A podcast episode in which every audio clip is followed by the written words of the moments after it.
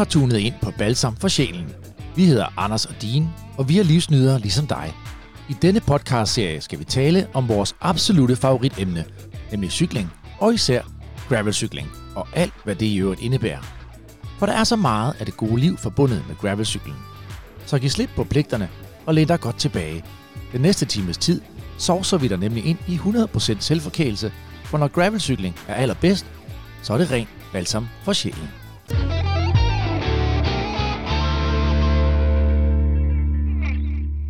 Vi øh, skal i gang med endnu et afsnit af vores podcast, Balsam for sjælen, alt om gravelcykling, som i dag kommer til at handle om mere end gravelcykling. Så meget kan vi godt love. Det er rigtigt, ja. Jeps. Men øh, vi skal også lige anerkende den øh, meget mærkelige øh, tid, vi alle sammen lever i lige nu. Øh, coronavirusen er overalt, øh, og øh, det har gjort hverdagen lidt mærkelig. Det må man sige. Den har, det har været meget specielt. Mm. Hvordan, lidt- hvordan mærker du det? Nå, man er jo lidt stavnsbundet derhjemme. Jeg kører på hvad, tredje uge derhjemme nu. Med, med hele familien hjemme. Det, det er sgu lidt opslidende. Det må ja. du nok kende. Jeg tror, der er mange, der kan ikke genkende til den følelse der. Du var jo i øvrigt first mover øh, med at rykke øh, hjem med hjemmearbejdspladser og det hele. Ja, Jamen, jeg arbejder jo lidt i den branche der, så medicinalbranchen, og vi blev kyldet ret hurtigt hjem, så øhm, ja, det skete om mandagen, som Mette Frederiksen sagde om torsdagen, at vi skulle hjem. Så, så var det det. Ja. Og fra at man troede, at, øh, at det var noget, der måske, sådan, måske kom til Danmark, så pludselig så øh, går man øh, to meter øh, rundt om hinanden øh, og, og skuler lidt til hinanden, og jamen, man har fuldstændig berøringsangst, og Og vi Øh. sidder jo også her i studiet med en, en behørig afstand. Som det gør vi. vi øh, prøv at høre, jeg synes, jeg, jeg synes, det er imponerende, sådan som folk ligesom har øh, både taget det til sig og accepteret, at det er vilkårene, og øh, forhåbentlig er det jo med til at gøre, at, øh, at kurven ikke stikker af. Alt tyder i hvert fald på det. Hvad hedder det? Så sent som i går, så øh, kørte man Flandern rundt, men man gjorde det virtuelt. Det er rigtigt. Øh, jeg så det desværre ikke, så du det? Nej, jeg så det ikke, men øh, jeg så resultaterne. Ja. Jeg, var, jeg hæftede mig også i, for jeg måtte ind og google i dag. Jeg synes, det var øh, ret øh, øh, øh, sjovt fundet på. Øh, det skal lige siges, at det, det rigtige Flandern, det kører man så vist i 2021. Så man, man bliver ikke ligesom den, der har vundet, vandt den virtuelle udgave, ikke den rigtige udgave. Nej, nej. så det var lidt Nej. med glimt i øjet, men Ja. ja. godt fundet på anyways. Det, som jeg studsede over, det var, at øh, Greg van Avermaet, som vandt, og det er, der er sikkert en lorteudtalelse, men det er også en gravel podcast, så det kan vi, øh, det kan vi nok leve med. Ja, Øhm, han trådte 434 watt i gennemsnit. ja, det er sgu meget godt gået. Men de kører så også, de kører kun 30 km, ikke? Jo, jo. Og øh, Michael Matthews, han formoder at udgå. Det synes jeg også var meget sejt, faktisk. Ja. Ja, der kommer ikke nogen følgevogne ind i stuen der. det var faktisk meget fedt. Jeg ved ikke, hvad han lavede. Nå. Nej, det fedt, hvis man hører konen råbe i baggrunden. Skal jeg komme med noget, skat? Ja. Nå. Ja, prøv at høre. Øh, samtidig så må man jo også bare sige, at det mere end nogensinde, så giver det rigtig god mening at komme ud i skoven og køre på sin gravelcykel. Ja, det er sindssygt. Det giver så meget energi. Ja. Og ved du hvad? Man føler sig jo rigtig godt tilpas derude i den der dejlige luft, øh, rene luft, som der er ude i, i skovene i øjeblikket. Og øh, de er overhovedet ikke, altså selvom folk bruger skovene, så synes jeg stadigvæk, man kan komme til derude. Det er ikke sådan, det er overrendt, så, øh, Overhovedet ikke. så det er bare at komme ud i øh, skoven, ud på gravelcyklen, ud og nyde den gode natur. Og øh, vi skal også lige øh, nævne, at øh, apropos øh, popularitet, ja, Anders? Jamen, jeg bliver simpelthen nødt til at sige om min, min tur i... Øh, hvor var det? Nu skal jeg lige tænke mig om. Var det i fredags? Mm? øh, hvor jeg simpelthen havde en skøn tur ude på omkring København i Vestvolden, Vandensbæk og Vestskoven, og så kører jeg hjem over, jeg bor inde i, øh, inde i Valby, og så hjem over øh, af Vestskoven, og så lige så stille og roligt, så kommer, ja, lige stille og roligt, men han kommer snigende forbi mig, giver mig lige en, et vink med hånden, så var det Michael Mørkøv i Dannebrogs trøjen på en gravelcykel. Hold kæft, hvor var det fedt. Jeg blev helt fabrilsk og prøvede at få mit kamera frem for at nu få et billede af det, for at dokumentere det, så tabte jeg selvfølgelig telefonen. Altså, men, men jeg har det. Det sidder på nethinden. Det var, det var et smukt øjeblik. Altså. Satte du efter ham? Jamen, jeg, jeg, jeg, nej, jeg var, bare, jeg var bare lykkelig. Jeg var lykkelig i øjeblikket. Det var jeg virkelig. Det var fantastisk. Ej, et fint øjeblik. Ja, det var det. Ja. Det var su- super fedt. Jeg tror faktisk, hvis jeg ikke skal øh, tage helt fejl, at øh, jeg så ham ude i Harskoven, øh, måske lige en time før han nappede overhalingen på dig. Øh, jeg var bare ude og gå med familien, men jeg så godt den der øh, Danmarks trøje øh, flyve gennem skoven. Ja, men det var smukt. Ja. Og han sidder jo bare altså, fantastisk på en cykel. Prøv at høre her. Apropos, ikke? Så øh, gravelcykling Danmark, eller Gravel Cycling Danmark, øh, Facebook-siden, de rundede over 4.000 medlemmer her for nylig, så øh, det er bare stødt stigende. Samme dag, da de rundede 4.000, der rundede vi også 4.000 downloads, Anders. Sådan der. Og øh, da det er en uge siden, så tjekkede jeg de tallene, og øh, nu er vi faktisk tæt på 5.000. Det kører. Ja, det er fedt. Så tak fordi I lytter med derude, og øh, vi er jo totalt overbevist om, at øh, gravel det er noget, vi giver til hinanden. Så øh, i dag, der er der mere øh, af, af det gode liv, og øh, jeg vil gerne lige øh, ligesom sætte stemningen, Anders, for det, vi skal tale om i dag. Så øh, nu skal du høre her. Øh, det bliver måske en lille smule corny, men ikke desto mindre. Er det noget amerikaner noget? Kan du, kan du mærke det? Jeg kan mærke det. Hvor er vi henne? Randers Regnskov, eller? Vi, vi, vi er taget ud af bikepacke. er vi det? Ja, det er vi. Nå, fedt. Fordi at det skal handle om, øh, om bikepacking i dag. Ja. Øhm, og vi har jo tit sagt, at, øh, at gravel og bikepacking er utroligt nær beslægtet. Ja. Ikke? Så øh, vi, vi øh, ved ikke så meget om bikepacking, men vi har inviteret to i studiet, som gør. Og øh, vi skal faktisk på vores første bikepacking-tur her i påsken på torsdag. Tager vi afsted. Ja, det er rigtigt. Ikke? Og vejret lover godt, så, øh, og vi har været ude at shoppe ind, og alt sådan noget, det skal vi nok dele ud øh, af lidt af vores øh, erfaringer, og hvordan det gik med at skulle købe sovepose og alt det der. Som så vanligt, så stak det fuldstændig af. Det gør det. Udstyr, ja. nyt, nyt, nyt. Men prøv at høre her. Øhm, så det skal handle om bikepacking, og jeg vil gerne lige sige, øh, jeg skruer lige ned for skoven og fuglene Ja, det her. er god idé, men, men det var bare lige for lige at få stemningen. Prøv at høre, øh, vidste du godt, Anders, at øh, hvis man søgte på bikepacking, øh, eller gravelbike for den sags skyld, på Google tilbage i 2010, så fik øh, man en Google-score, der hed 0%, og det svarer til, at der ingen interesse var. Okay, Det er 10 år siden. 10 år siden. 10 år siden. Bum. Hvis du så søger på øh, det samme i dag, bikepacking, så får du en Google rating på 100%. Det vil sige, at der så er rigtig meget interesse. Ja. Ikke? Så øh, den eneste øh, søgning, tænker jeg, der har en stejlere kurve end, øh, end det. Ved du, hvad det er for en søgeord? Det hvert fald. Nej. Det er corona. Nå ja, selvfølgelig. Fordi hvis du søgte på det ja, i det er december selvfølgelig- 2019, Ja, så ja. fik du 0%. Ja, Nå, ja, men nå, ja. fair nok. Den, den er også svær at slå. Prøv at høre. Så det er bare for at sige, bikepacking, det er ligesom gravel sindssygt populært. Og øh, jeg kan jo godt lide citater, fordi det rammer ligesom tingene så smukt ind, så jeg kommer lige med et lille citat her, og det er fra bikepackers.dk. De skriver, vi cykler derud, hvor de fleste aldrig kommer. Derud, hvor der er højt til loftet, og hvor man kan høre sin egen indre stemme.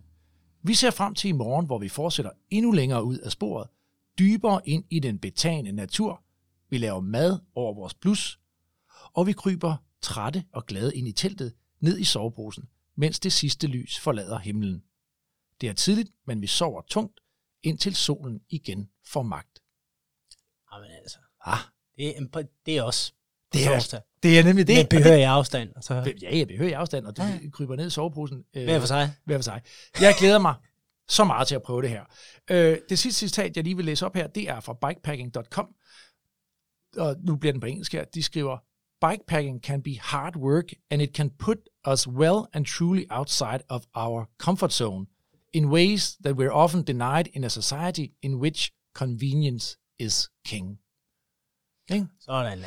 Det handler simpelthen om at komme ud og opleve en antidagligdag. Ja. Fedt, mand. Det skal handle om bikepacking. Øh, en lille introduktion til det. Vi kommer også til at snakke om lidt ultra-race-løb i dag. Øh, og så skal vi øh, afsløre, hvem der har vundet øh, Rafa Barbacken i dag. Og vi starter samtidig en ny konkurrence op, fordi vi kan godt lide at dele øh, gaver ud, Anders, så vi skal have gang i noget nyt. Ja, det skal vi. Og apropos øh, den her, øh, vi kan ikke, det er ikke en konkurrence, fordi det handler bare om at deltage hos os.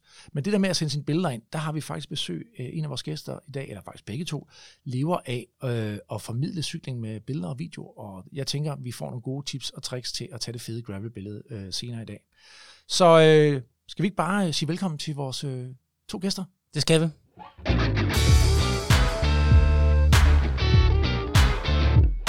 I dagens afsnit af Balsam for Sjælen byder vi velkommen til to cykelentusiaster, som begge elsker cyklen og naturen så meget, at de har gjort det til deres levevej.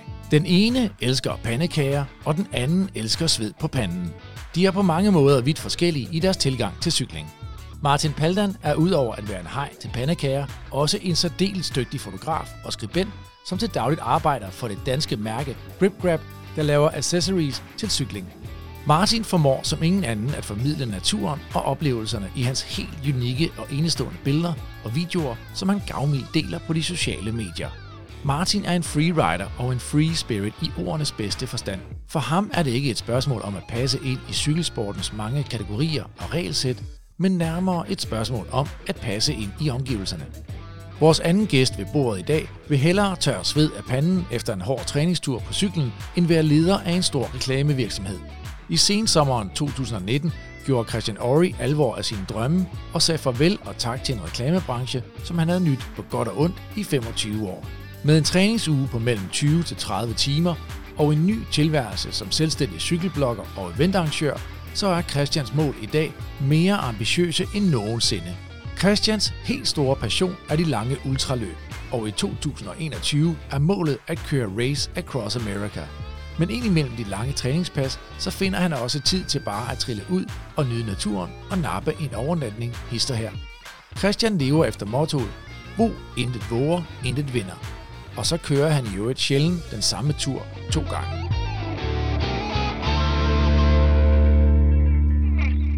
Velkommen Martin, velkommen Christian. Tak skal du have. Tak.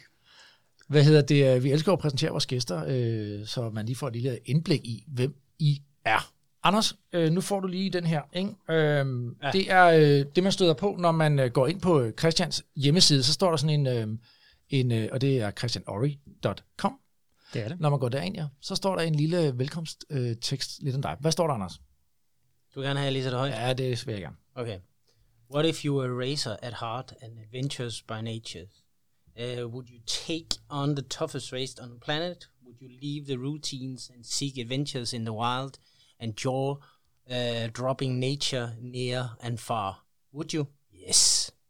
Ja, det er, det er, det er sådan halv rocky-agtigt. Ja, det er sådan lidt. Det, er faktisk, det, kan, det billede kan man faktisk godt lidt se der, hvor han stormer op ja. på trappen ikke, og hopper op for enden. Ja. Det er smukt. Er det, er, det et godt uh, billede af dig, Christian? Det er i hvert fald det, jeg prøver at sætte mig selv op til, når jeg tager ud og cykle. Øh, jeg skulle ligesom have, da jeg startede som, om man så må sige, fuldtidsprofessionel øh, cykelrytter her for nu er det et halvt års tid siden. Jeg skulle ligesom have et eller andet mål, eller måde, eller en, en årsag til, hvorfor jeg gjorde det, jeg nogle gange gjorde. Så jeg prøvede ligesom at finde ud af, hvad er det egentlig, jeg synes, der er, er fedt.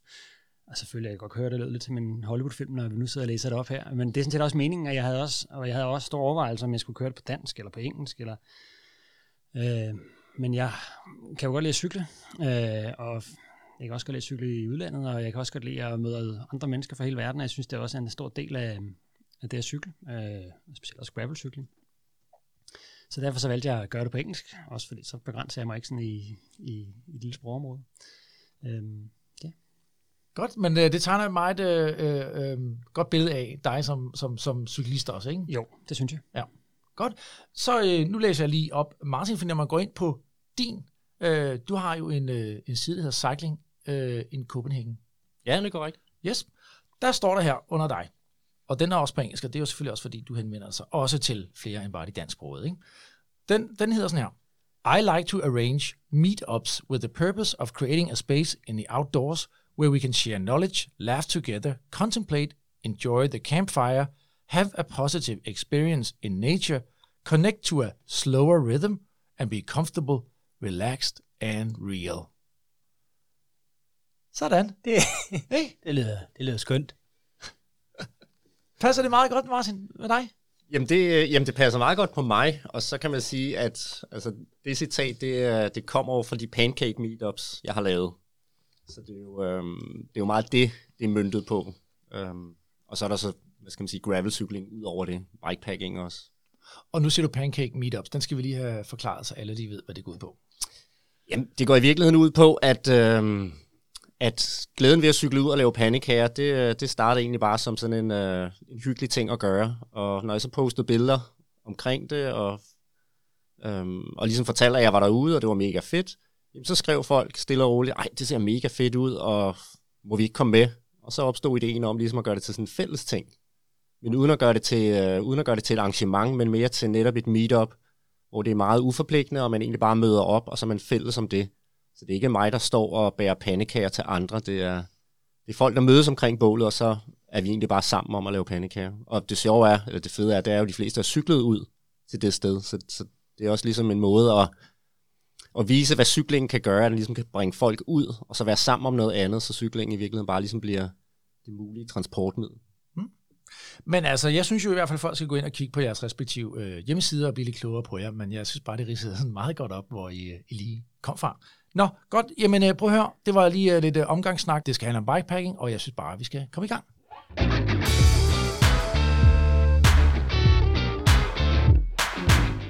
Bikepacking er blevet et meget moderne fænomen, men konceptet om at rejse ud i verden på en cykel pakket med tasker stammer helt tilbage fra 1800-tallet. I 1896 cyklede en britisk mand ved navn John Foster Fraser sammen med to venner gennem 17 lande og tre kontinenter og tilbagelagde i alt mere end 30.000 km. Bike touring, som den blev kendt som, blev et udbredt fænomen og spredte sig hurtigt ud i alle verdenshjørnerne. Interessen for at bruge cyklen som et rejsemiddel er i dag større end nogensinde, og begreberne vi bruger er vokset i takt med populariteten. Bike touring, bike adventure eller bikepacking er blot nogle af de prædikater, der bruges flittigt af cykelfolket. Men hvad er forskellen egentlig? Og er der overhovedet en forskel? Er der i virkeligheden bare tale om et kært barn med mange navne? Det og meget mere skal vi blive klogere på nu.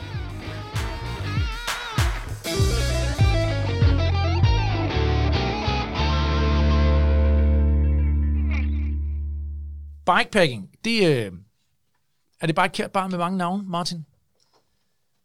Øh, ja, det er jo et rigtig godt spørgsmål. Øhm, din, du sendte mig faktisk nogle links, og der synes jeg faktisk, der var et af dem, der egentlig ridsede meget godt op, øhm, som måske også gør, at man sådan ret hurtigt måske kan bevæge sig videre. Øhm, og jeg tænker, at de fleste, der sidder og lytter til den her podcast, de har et forhold til cykling. Øhm, et forhold, som rækker lidt længere ud over end bare at være altså, commuter-tilgang af cyklen, er egentlig bare transportmiddel.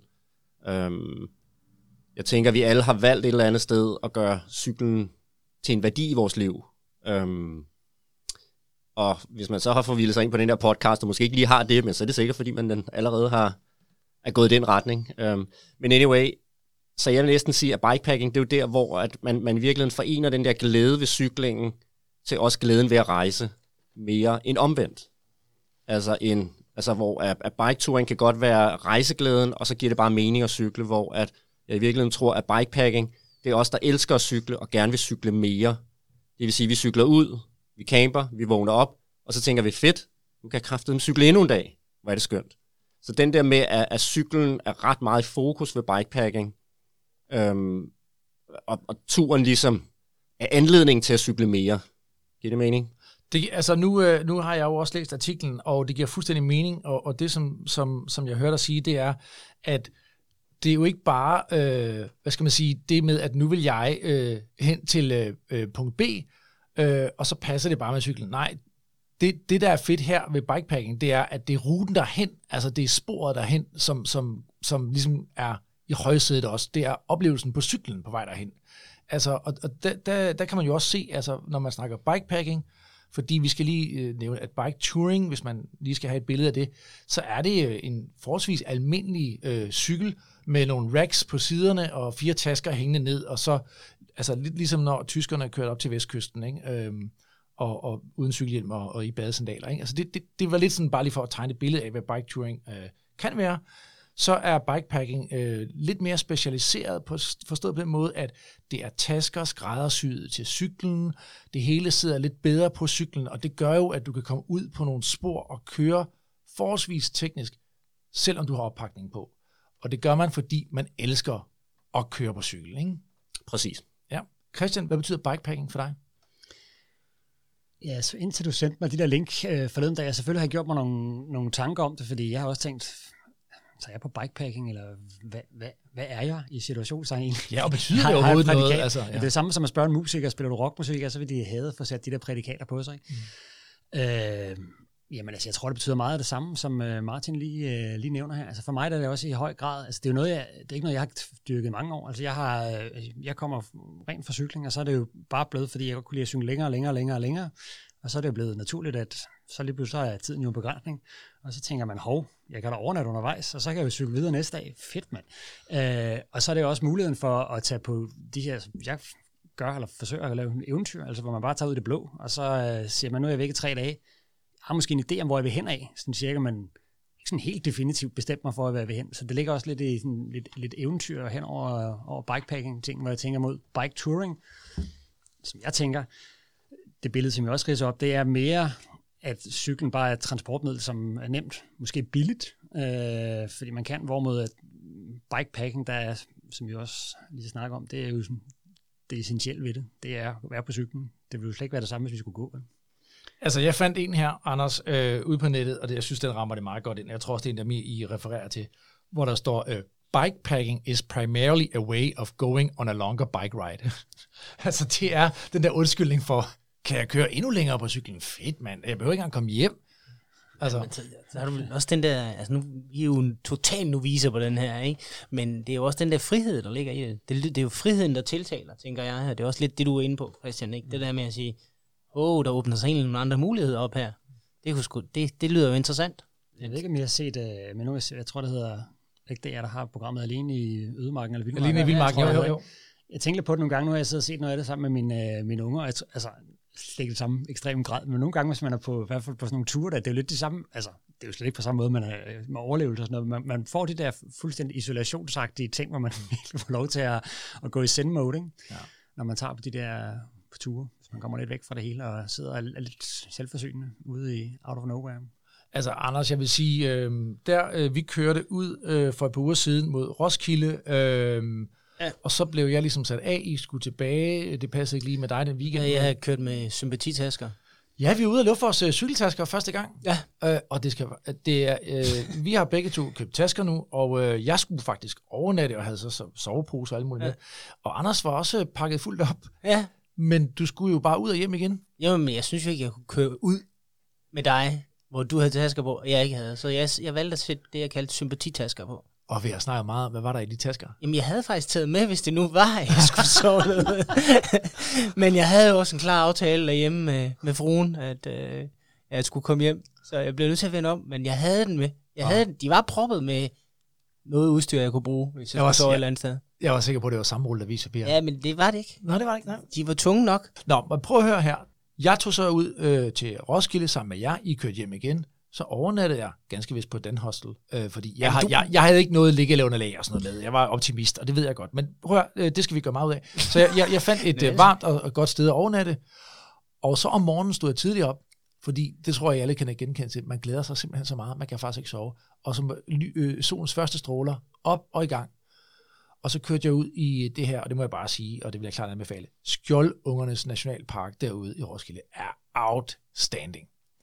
Og øh, som det jo altid er med gravel, så er der jo folk, der har været søde og delt ruter, så er det meget nemt, at man går ind, og jeg fandt en skøn tur, som gik op igennem øh, Boserup skov, videre op, øh, og faktisk så kom jeg op i, øh, i Bognæs, øh, det område, der ligger deroppe, sådan en lille bitte, øh, ligesom sådan en næsetip, man kan køre ud af.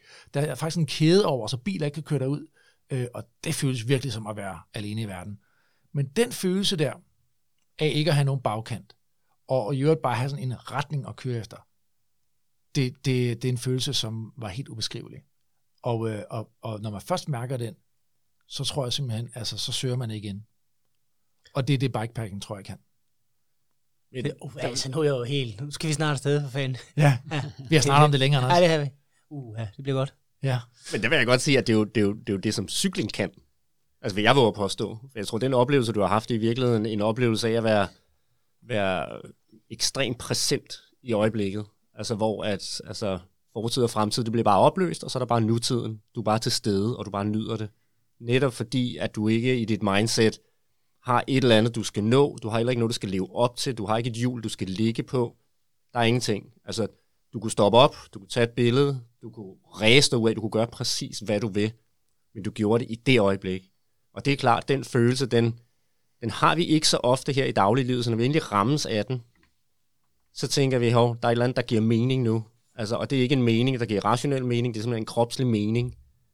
Og så tænker vi bare, det der, det føles så rigtigt, og så er du nødt til at opsøge det igen. Præcis. Prøv at høre, altså øh, bikepacking, bare lige for at komme ind i det her, øh, og igen, vi, øh, vi, vi laver sådan en introduktion til bikepacking i dag, fordi det kan man ikke nå på en time, hvis man skal dykke ned i alle elementer af bikepacking. Så vi, øh, vi, øh, vi taler om det, og, øh, og det bliver sådan en, i, en eller anden form for introduktionsform. Og øh, man kan dele lidt op. Man kan sige, der er de der kortere ture, hvor vi tager ud og tager øh, en til to overnatninger ude. Og så er der øh, også noget, der hedder bikepacking races, og det skal vi tale lidt om, øh, Christian, fordi noget af det, det er blandt andet sådan noget, hvor man kan, øh, kan køre øh, øh, Island, øh, og The Great Divide, og hvad de eller øh, hedder de her store øh, øh, løb, hvor man er ude i flere døgn, dog med en øh, tidsbegrænsning på, så det gør lige, at, øh, at, at tingene bliver lige lidt anderledes øh, paced, øh, og man har som regel også mindre oppakning, øh, men stadigvæk self-supported for det meste. Det kommer vi også til at vende. Det tredje ben af bikepacking øh, er så de her ekspeditioner. Der er vi ude at tale øh, over 1000-2000 kilometer øh, i alt slags terræn. Øh, dem vender vi ikke i dag, men jeg kan tise for, at vi kommer ind på det, og vi kommer ind på det sammen med Ken Brun øh, Jørgensen og Marie Stavbæk, som øh, de er et kærestepar, og de har kørt fra, øh, fra Sydamerika op til Alaska. De har kørt over 30.000 km sammen, og øh, de har holdt foredrag rundt omkring i landet til udsolgte sale, og øh, de kommer her ind på et tidspunkt og fortæller, hvordan øh, man barberer sådan en øh, ekspedition der. Øh, så de er fyldt med tips og tricks. Øh, den tager vi senere. Men nu skal det handle om de korte ture.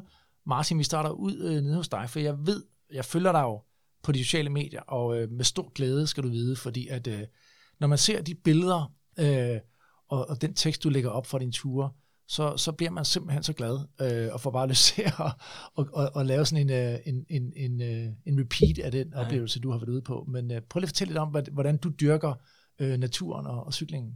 Øh, jeg var ellers, det var mega skønt at høre dig sige det, fordi jeg elsker at inspirere. Øh, jeg føler selv, at jeg bliver inspireret af rigtig mange mennesker, så i virkeligheden så er det bare sådan en, det er sådan en cyklus, vi lever i, så hvis vi ligesom kan inspirere hinanden, jamen så, så holder vi gang i, øh, holder vi gang i julene. Jeg kommer måske mere fra noget outdoor øh, baggrund, øh, klatring, vandring, kanosejlads, end jeg egentlig kommer mere fra sådan en, en klassisk cykelbaggrund.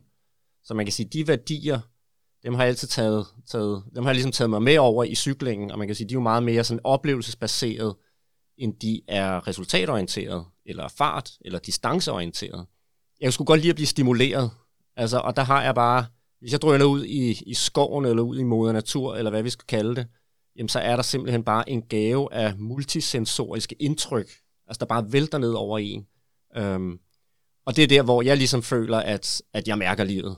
Altså, og, og, ja, igen, det lyder måske lidt corny, men, men det er lidt ligesom den oplevelse, du havde før, hvor at, jamen, alt spiller bare, og hvis solen skinner, og det bare varmer ind i ansigtet osv., så, så føler man sig simpelthen bare så levende, som man tror, det er løgn.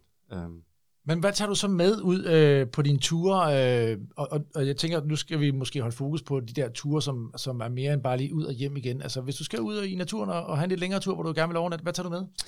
Bikepacking-mæssigt, jamen så har jeg, så har jeg selvfølgelig noget, øh, noget energi med, det er klart. Man skal jo ligesom holde, holde kroppen i gang. Øhm, jeg plejer sådan at dele det op i, skal se om jeg kan huske det, men der er ligesom en, øh, altså der er dig på cyklen, hvad for noget udstyr har du med, når du cykler? Det vil sige, så kan det være, at du har dine foretrukne handsker, fordi at du ikke skal have ømme fingre.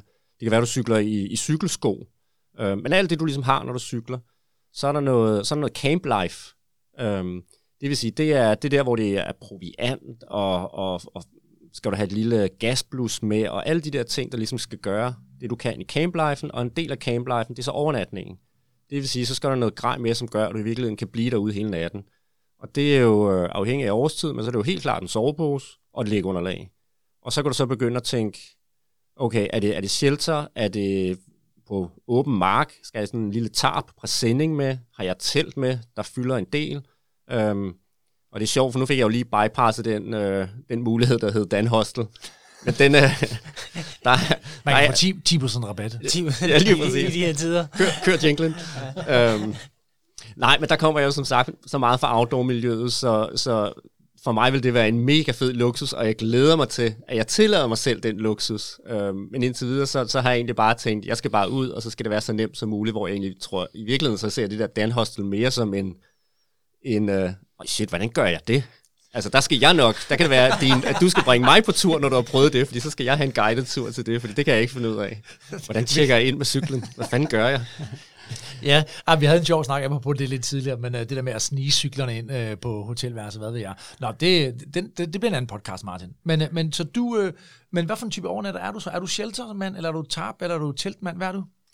Øhm, jamen indtil videre har det faktisk været, ah, det har været lidt en kombi. Øhm, ret tidligt så købte jeg sådan en, en, en lille, et lille biwak-overtræk, altså som er sådan et øh, sådan kæmpe hylster, man bare trækker ud over soveposen, som så er sådan lidt semi-vandtæt. Øhm, og så er der en enkelt øh, flexistang, jeg ved ikke, hvad den er lavet af, et eller andet letvægtsmateriale, der lige skaber en enkelt bue op over hovedet, så man ikke lægger sådan fuldstændig i puppe, men der lige er sådan et altså mikro-mikro 30 cm luft over.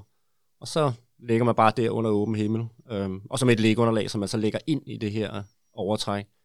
Og ellers så har det selvfølgelig været shelter, hvor altså, altså, shelter, det er, jo, det er jo mega luksus. Altså du kommer der, der er en bålplads, du kan ligge fuldstændig ly, altså så det er jo, det er jo Dan Hostel for mig. Og det der med, at de der shelters, hvor man også øh, kan bestille en øh, pose brænde på forhånd, det er jo genialt. Det har vi gjort det Så nu kigger Martin, kan man det? Det kan man også. Ja, ja, altså, ja, det har jeg sgu heller ikke prøvet. Jeg har jo mit lille gasplus med. Nej, men du, er vi, sanke, vi, vi, er sådan lidt, vi er sådan lidt, der er lidt luksus over os her, ikke? Altså, Ander- Anders- den, skal jeg tige stille nu, eller? Nej, men prøv at høre det er bare, fordi det, det, det går også op for mig nu, ikke den tur, vi skal ud på. Ja. jeg ved overhovedet ikke, om det kvalificerer som bikepacking. Det er, Det er da lige meget. Det er da, hvad man gør det til. Ah, det gør det helt sikkert. Kom nu, okay, dreng. ja, at Okay, høre. men vi, vi, ja, fordi vi har, vi har reserveret shelter, og vi har bestilt brænde. Ikke? Lad os bare sige det. Og vi har gjort det med mobile pay. Så kom, kom også en kok senere, ikke? Var det ikke sådan, der? Nej, det, er- det, det bliver næste. Det, Det er næste gang. Ej, der tror jeg, det er ret vigtigt altså, at ligesom sige, det her det handler om det handler om oplevelser, så hvad der gør det muligt for jer, at det I skal gøre. Der er sgu ikke nogen rigtig måde at gøre det her på. Det handler jo, altså så kan man komme ind på, hvad for et selvbillede I ønsker at have. Altså hvis I ligesom ønsker, at nu skal I være nogle totalt badass. har du et selvbillede, Anders? Det? Nej, nej, det, jeg har det fint med, at jeg er lidt, der er lidt luksus over det. Gør sgu ikke noget. Det, det, det, det her ikke, det, det går dybt i Anders, ikke? Fordi det går helt tilbage til, altså Anders skifter heller ikke ting ud på sin egen cykel. Du vil, du vil faktisk være en elendig bikepacker. Ja, men Altså, altså, mega elendig. I, i ordets rå øh, form. Det, Ja, ja, ja. det går ja, ikke. Nej, det går ikke. Nej. Men det er også fint nok, fordi så gør vi det på, på, på vores måde. Ideelt set vil jeg gerne have en cykelmekaniker med på den her tur, faktisk. Christian, hvad med dig? Jamen jeg er jo nok, øh, jeg, sidder selvfølgelig og funderer, når du øh, sidder og snakker, Martin, hvor du kommer fra, for jeg kommer jo faktisk fra den fuldstændig modsatte side. Altså jeg kommer ikke fra en, en outdoor øh, baggrund, øh, så det er værdier, jeg har sådan, jeg har sådan opdaget, det at bikepacke øh, ved at komme ind fra cykelverdenen. Fordi jeg har cyklet masser af cykler, jeg har også dykket masser af triathlon, øh, og nu har jeg gået fuld tid øh, på det her, og mit mål er at køre sådan nogle ultralange øh, distancer, og det betyder, at når man, øh, når man træner mod ultralange distancer, så kan man jo ikke, man kan ikke træne ultra hårdt hver dag, det er kroppen ikke holde til. Så meget af den træning, man laver, det er ultra lavintens. Altså det er 80% af det, jeg laver, det er fuldstændig stille og roligt morfar og trill, man kan, man kan snakke til. Så er det kun de 20% af det, der er sådan noget VO2 max, øh, blod, sved og tårer. Så de der 80% af det, øh, det er jo derfor, jeg har, man så må sige, har opdaget øh, gravelcykling og bikepacking i hele taget, fordi man keder sig jo, hvis man skal cykle. Jeg gør i hvert fald 12 timer på den samme rundstrækning, man har cyklet 400 gange, så jeg cykler stort set aldrig den samme tur. Så derfor så tænker jeg, øh, landevejscykel, nu har jeg cyklet på samtlige stykker asfalt, der var på hele Sjælland. Så købte jeg mig en crosscykel, øh, fordi jeg troede, cykel skulle cykelcross, og fandt ud af, at det var jeg alt for dårligt til rent teknisk. Og så blev det så øh, gravelcykling, og så når man jo så cykler langt, så kommer man jo, kommer man jo langt væk. Og når man så begynder at så arbejde sig op over, over flere dage, så må man jo så finde ud af, hvordan fanden gør man det. Øh, så min f- øh, første tur har jo været, øh, ikke på Danhostel, men jeg har jo så opdaget øh, det her bike touring fællesskab, øh, som jeg, jo, jeg har jo researchet, men så jeg har ikke det store netværk af venner, der, der gjorde sådan noget. Så jeg fandt det, der hedder Warm Showers, som er sådan et, øh, en website service, hvor, hvor folk stiller en seng til rådighed, eller et skur, eller, og det er alle typer mennesker i, i hele verden, og det er ret stort faktisk.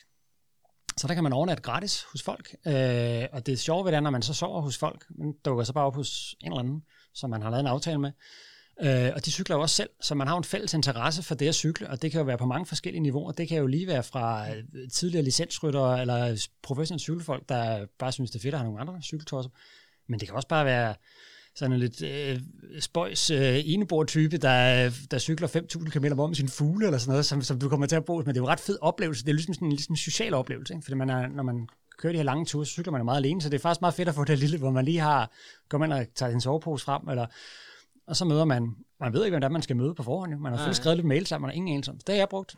Hvad, Øh, må jeg lige høre? Er det, og så er det med bad og også? Sådan, det er eller helt hvad? forskelligt. Folk, Okay. de, folk det, er, det kan være lige fra en sofa, til du slet ikke kan overnatte, og du bare, er- de kan give dig, du kan få lov til at øh, lige rense din cykel og, og, og vaske den, og så kan du lige få, øh, få fyldt dine drikker nogle op, Okay. til det nærmeste sådan en lille øh, hotelophold, bed and breakfast hvor folk bare synes, det er fedt. Der er både på top på på Mors her, for ikke så længe siden hvor øh, de selv havde været ude, det var en familie, der selv havde været ude og, og rejse, øh, sådan noget bike touring, og de havde så bare øh, sat det her op. Og det var jo altså, der var jo rigtig fin seng til mig, der var lidt stykke chokolade på min seng, og de havde to børn, som du gerne ville snakke om morgenen ved morgenbordet og sådan noget. Skide hyggeligt. Så jeg, man kommer bare, da man aftaler, jeg kommer på et eller andet tidspunkt hen over aftenen, så kommer man, og så regner man jo ikke med noget. Men de har selvfølgelig med. Ikke? Så fik jeg selvfølgelig en omgang øh, svensk pølseret, eller hvad det fik. Så sad Ej, man det, havde, det, havde, det havde altså været ærgerligt, hvis man lige har kørt sådan en gang Jakaborg ned der og, øh, over Enkelmandsbrænderen, og så kommer man op, og så står der bare, øh, du ved, ja. lækker indretning til en, ikke? Men, men også når man, så, når man cykler, fordi hvis man cykler jo, øh, nu har jeg cyklet en tur, øh, ekspeditionstur for mig selv, hvor jeg cyklede fra København til Jönköping på tre dage eller sådan noget, det vil, jeg cyklede 150-200 km om dagen, og det var out of season, og det betyder, at så skulle jeg finde nogle steder og overnatte ude i, i skovene. Jeg synes, det var for, for koldt. Også for, jeg har ikke noget erfaring med det. Og så sove ude og så finder man jo sådan nogle små lukkede, som egentlig er lukket for sæsonen, bed and breakfast, der ligger ude i en anden lille skov. Og så må man jo finde ud af, hvordan man får fat i personerne, der bor der, og så spørger man, om de ikke kan åbne op. Og det vil de som regel gerne alligevel. Så laver man bare en aftale. Og så her så ude sådan en, en anden dag var lidt svært. Der nåede jeg stort set ikke deroppe, inden det blev mørkt, og jeg var kørt rundt i sådan en uh, svensk skov i bælragende mørke og skulle finde den lille, uh, lille rødt uh, travlt. Men jeg finder det jo. Det jo lidt ja, ja. til sidst. Ikke? Så sådan er jeg. Sådan Så er jeg, bliver, det, så bliver det en del af oplevelsen, sådan, faktisk. ja, sådan er jeg starter, så er jeg jo så selvfølgelig også nu, jeg kan jo ikke gøre sådan hver gang, sådan noget, jeg er også begyndt at tage afsted med, med sovepose, men jeg er jo ikke, jeg er ikke nået til et niveau nu, hvor jeg siger, hvor jeg ved alt om alt grej og sådan noget, for jeg har ikke den her, så det er virkelig learning by doing. Jeg købte det billigste, billigste bikepacking gear hos øh, Planet X, som jeg er i gang med at finde ud af, om det, om det kan noget. Indtil videre passer det fint til mine, øh, mine, min, mit niveau. Men altså, der er helt sikkert på, når jeg skal på en arktisk ekspedition, så kan det godt være, at det bliver lidt for vådt og lidt for koldt og lidt for småt og mm. sådan noget, det hele. Jeg bruger selvfølgelig også meget ud i naturen i Danmark, altså shelterfinding, fordi jeg er ikke god nok til at lige kunne knalde bål og hvor som helst. Så for mig det, det giver det noget, at der trods alt er nogle sten, der er sat op i forvejen, som øh, man, mm. det er ligesom her, du kan lave bål og sådan noget. Ikke? Jo, jo, men prøv, og det er jo det, uh, Anders, apropos vores lille adventure her, hvor der, vi ved, vi kommer ud til et shelter, vi ved, der er brænde og sådan noget, ikke? Altså, det er jo, og man ved jo også godt, altså, i de fleste danske skove, der er der altså kun 5 km til en eller anden form for indkøb, ikke? Så altså, man skal jo ikke gøre det sværere, end, end, end man vil. Men man kan gøre det til, hvad man vil. Ikke? det er faktisk en meget sjov pointe. Det har jeg tænkt lidt over nogle, nogle gange, når jeg har cyklet. For når jeg cykler rundt i Danmark, så har jeg altid ubevidst den tanke, at okay, hvor galt kan det gå? Altså, hvis jeg punkterer, eller det alt går galt, eller helt af helvede, så skal jeg gå 5 km, så rammer jeg et eller andet. Mm. Men nu har jeg cyklet også uden for landets grænser på sådan en tur her, og der bliver man lige pludselig kommer man i tanke om, at det var, bare, det var sådan, bare i Sverige, for eksempel i Småland, hvor jeg kørte ned af en, en jeg farede vild. Jeg havde sådan en GPS, og den kunne simpelthen ikke finde noget som helst. Jeg anede simpelthen ikke, hvor jeg var henne. Jeg kunne selvfølgelig godt se, at jeg var ude i en skov, og jeg tænkte, min, min retningssand sagde mig den vej, men sidst har jeg cyklet 60 km igennem det skov, og jeg har bare set intet. Mm. Altså ingen mennesker, ikke noget som helst. Så begynder man lige pludselig at tænke, okay, jeg aner ikke, hvor jeg er henne. Der er ingen, der ved, at jeg er herude. uh, jeg har ikke nogen anelse om, hvor jeg skal hen af. Jeg kan faktisk fuldstændig ikke dø herude. Ja, det tænker man ikke, så det, skal man, det, kan man, det, det er meget rart at tænke, når man er i Danmark. Ikke? Jo. Og det kræver også en anden form for planlægning, hvis man skal ud på de ture, tænker jeg. Uh, og for nogen er det jo også en, en altså noget af, af, eller en stor del af oplevelsen, det, det synes jeg faktisk også, det har været i vores proces, Anders. Altså hele den der sådan, planlægning af, hvordan, øh, hvad er det for noget udstyr, jeg skal have, og alle de her fede sider, man kan gå ind og læse på, hvor folk er søde til at, at skrive øh, øh, fra deres egne erfaringer, og om det så er tasker, øh, der lige er emnet, altså, eller om det er, øh, hvordan, øh, hvad skal jeg have spisegrej, og alt, altså, man kan simpelthen finde uendelig meget information, og vi skal også nok nævne nogle af de sider. Øh, jeg, kan, jeg kan starte med at sige i hvert fald på bikepacking.com, som er sådan en øh, amerikansk øh, hjemmeside, der kan du finde alt, hvad du vil om bikepacking. Den er, den er super, super tjekket. Men også, øh, som jeg nævnte før, øh, Ken Brun der og Marie, øh, øh de har bikepackers.dk, hvor der også er rigtig meget hjælp at, at hente derinde. Også udførlige sådan pakkelister i forhold til, hvad man skal have med ud. Øhm, og så vil jeg bare lige nævne øh, øh, den der warmshowers.org, som den hedder. Der findes også øh, brugminbaghave.dk, som gør nogenlunde det samme, øh, som er en dansk øh, brugergruppe. Jeg tror faktisk, der, jeg synes, jeg kiggede på den i går, 26.000 medlemmer. Det er så meget. Ja, det er vildt. Så øh. Det er sgu ja, Ja. det er da fint. Det er det da. Men, men øh, Der er, der er et hav af hjemmesider. Altså, vi har jo, til den tur, vi har, der har vi jo brugt nogle Facebook-grupper og sådan noget til at finde ruter af bikepacking.dk og hvad fanden var den anden hed? Den hed um, Bikepacking Danmark. Danmark og Ja, så præcis. videre, ikke? Så Bikepacking der, Danmark. De, og folk er simpelthen så søde til at komme med forslag. Så øhm, det er et hit. Yes, og, og prøv at høre, øh, Martin, hvad, øh, hvad laver man på sådan en øh, bikepacking-tur? Hvad får man tid til at gå med? Sidder man bare og kigger øh, på træerne, eller hvad gør man? Man cykler forhåbentlig. Ja, Men, det meste af tiden. Jo. Hvad, hvad, er det, hvad, hvad gør du? Jamen, øhm, jamen, jeg cykler, og så, øh, det vi var inde på tidligere, jamen, så nyder jeg i virkeligheden cykelturen, altså hele vejen. Altså i virkeligheden, så kunne jeg jo begynde at cykle om natten også, hvis det skulle være, men jeg tror ikke rigtigt, jeg har øh, Christians formål, så jeg tror, jeg nærmest ville bare gå død halvvejs, og det ville være sådan rimelig uhensigtsmæssigt, fordi så lå jeg der.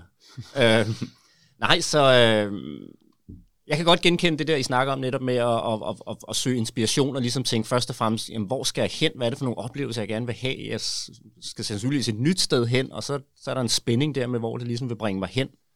Hvad, hvad skal jeg hen over? Skal jeg hen over en bro? Skal jeg med en færge, eller hvad skal jeg? Øhm, og så, jamen, så cykler man egentlig bare afsted og har den der, den der glæde ved ligesom at være ude, og den der frihed, altså og velvidende, at det fede ved bikepacking, der er i virkeligheden, at du kører rundt med dit hjem. Altså, du kunne i virkeligheden vælge at sige, nu stopper jeg. Det her det er simpelthen det fedeste sted, og du er lige, nærmest lige startet. Det tror jeg ikke, du gør, for du har den der glæde ved at cykle, så du fortsætter selvfølgelig. Men du har den der, den der idé om, mindsetet om, jamen, det er jo faktisk fuldstændig lige meget, hvor jeg ender, fordi jeg har mit hjem med mig.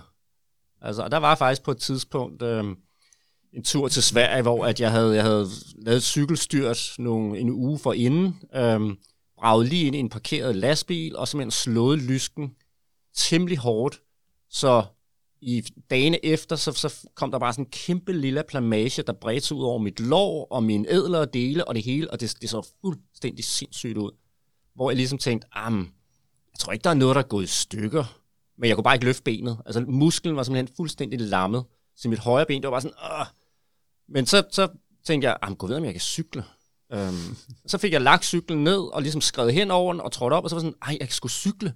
Ej, det føles faktisk rigtig fedt. Så jeg tænkte, i stedet for ligesom bare at ligge derhjemme, og jeg havde faktisk rigtig svært ved at ligge ned, fordi at, åh, bare det at rulle rundt på hoften og sådan noget, så tænkte jeg, nu tager jeg kraften på cykeltur, fordi om jeg ligger derhjemme eller på cykeltur, det er lige meget. Det er jo bare mit hjem, der hvor jeg er.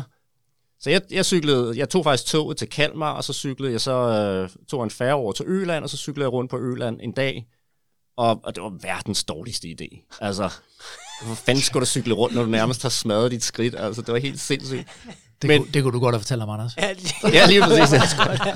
jeg tænker også umiddelbart, hvor ender den her historie?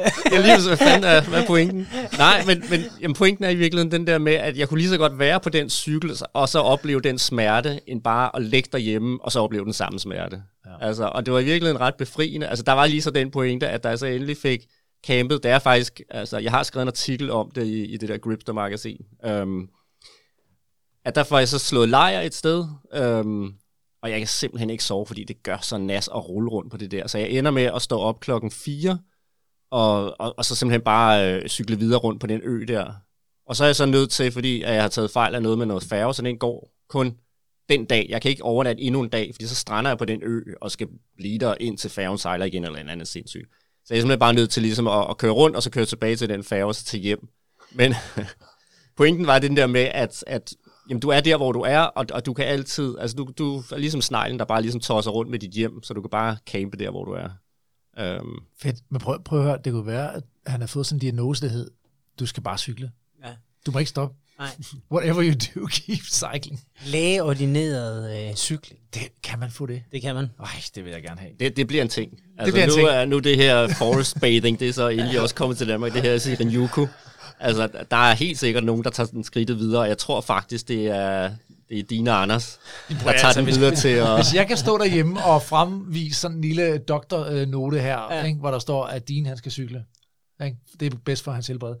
Så er vi i langt skridt. Prøv at høre, jeg vil lige, apropos Martin, den der, så prøv lige at høre, hvad en Facebook-skriver, eller, en Facebook-bruger har, øh, har skrevet her. Fordi det handler nemlig om de der små øh, mikroeventyr. Det behøver ikke bare øh, at være sådan, du ved, at man skal øh, til Alaska eller et eller andet. Han skriver her, jeg vil gerne slå et slag for solo mikroeventyret. Det er et fremragende og enkelt redskab til at bryde hverdagens rytme og skabe en positiv illusion af at være væk meget længere tid, end det er tilfældet. Altså, og det, det er jeg så stor fan af det der. Altså, det der lille afbræk i hverdagen. Og som Martin siger, man har jo hjemmet med sig. Så det er den ultimative øh, frihedsfølelse. Anders? Jeg, jeg, sidder og tænker på, det kan jeg sgu da godt forstå, at du synes, det er en sætning er god, fordi du er den mest syrede tidsoptimist, jeg kender. Altså. Så lad, lad sgu da lige down your alley, den der. Altså, Jamen prøv at høre. Altså når man er derude, man mærker bare, at tid og sted pludselig, øh, øh, ja. Forsvinder endnu mere, end det gør Ja. normalt for dig, eller? Ja, faktisk. Okay. Stærkt. Skide godt. Nå, jamen, øh, hvad hedder det? Skal vi ikke bare lige, øh, hvis, hvis nogen er nysgerrige på at komme i gang med det her, fordi nu har vi lige sådan bare talt om, hvad det er for os, så øh, øh, vil jeg lige også, jeg elsker bare de her citater, fordi igen, de rummer det godt ind her. Hun siger hende her fra bikepacking.com. Don't ever be apologetic for being a beginner. It's much more relaxing to acknowledge that you are starting something new, so you can allow yourself to have fun with the learning process. Celebrate victories, however minor they seem. Ikke? Og det synes jeg øh, er essensen. Prøv at høre, du skal bare ud og prøve det her, og du gør det på din måde. Og øh, hvor inden man læser på nettet, så siger alle også, prøv at høre, du kan bare tage den sovepose, du har, to øh, remme, og så spænder du den bare på styret. Så er du i gang. Altså, det behøver ikke at være alle de der dyre tasker til at starte med. Ikke? Tag en rygsæk på, øh, på og så øh, op på cyklen, så er du også afsted. Mm. Jeg vil faktisk sige, øh, langt de første, øh, min første øh, tur, øh, det, det var med rygsæk. Øh, og øh, altså, det finder man ret hurtigt ud af, at hvis du cykler langt, så vil man meget hurtigt gerne have det væk fra ryggen, fordi det er meget irriterende at cykle med noget på ryggen, men det kan jo sagtens lade gøre. Og øh, altså mange gange så er det jo bare det at gøre det, og så komme afsted. Altså den forbruger alle de bekymringer på, hvad det er, du skal have med. Øh, bare komme afsted.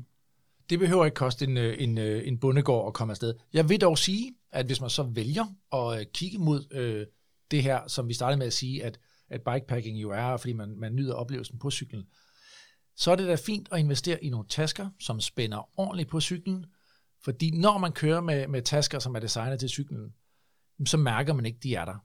Så mærker man ikke sin oppakning, og det giver jo den der glæde ved at cykling. Og deraf, øh, som vi startede med at sige, bikepacking, det er bare en længere fed cykeltur. Så, øh, så altså, der er ikke noget værre end ting, der sidder og klasker rundt på, øh, på rammen, eller, eller på en eller anden måde, du ved, øh, hvis man har en eller anden for stor øh, øh, taske på overrøret, og så når man sidder der og kører, så skraber den mod inderloven. Altså, det, det, det, det, det kan godt betale sig at kigge efter nogle gode tasker, men skal man bare lige i gang, og skal man lige prøve om det noget, ud og nyde naturen, og så bare øh, se øh, og, og gøre sådan nogle erfaringer. Og det kommer vi til om lidt, Anders, ikke også? På torsdag. Ja. Så skal vi nemlig ud, og, øh, og det bliver med to overnatninger i, øh, i første omgang. Prøv at høre, øh, jeg synes, vi skal øh, lige snakke lidt øh, race, øh, også fordi, Christian, det, øh, det er noget, du ved noget om.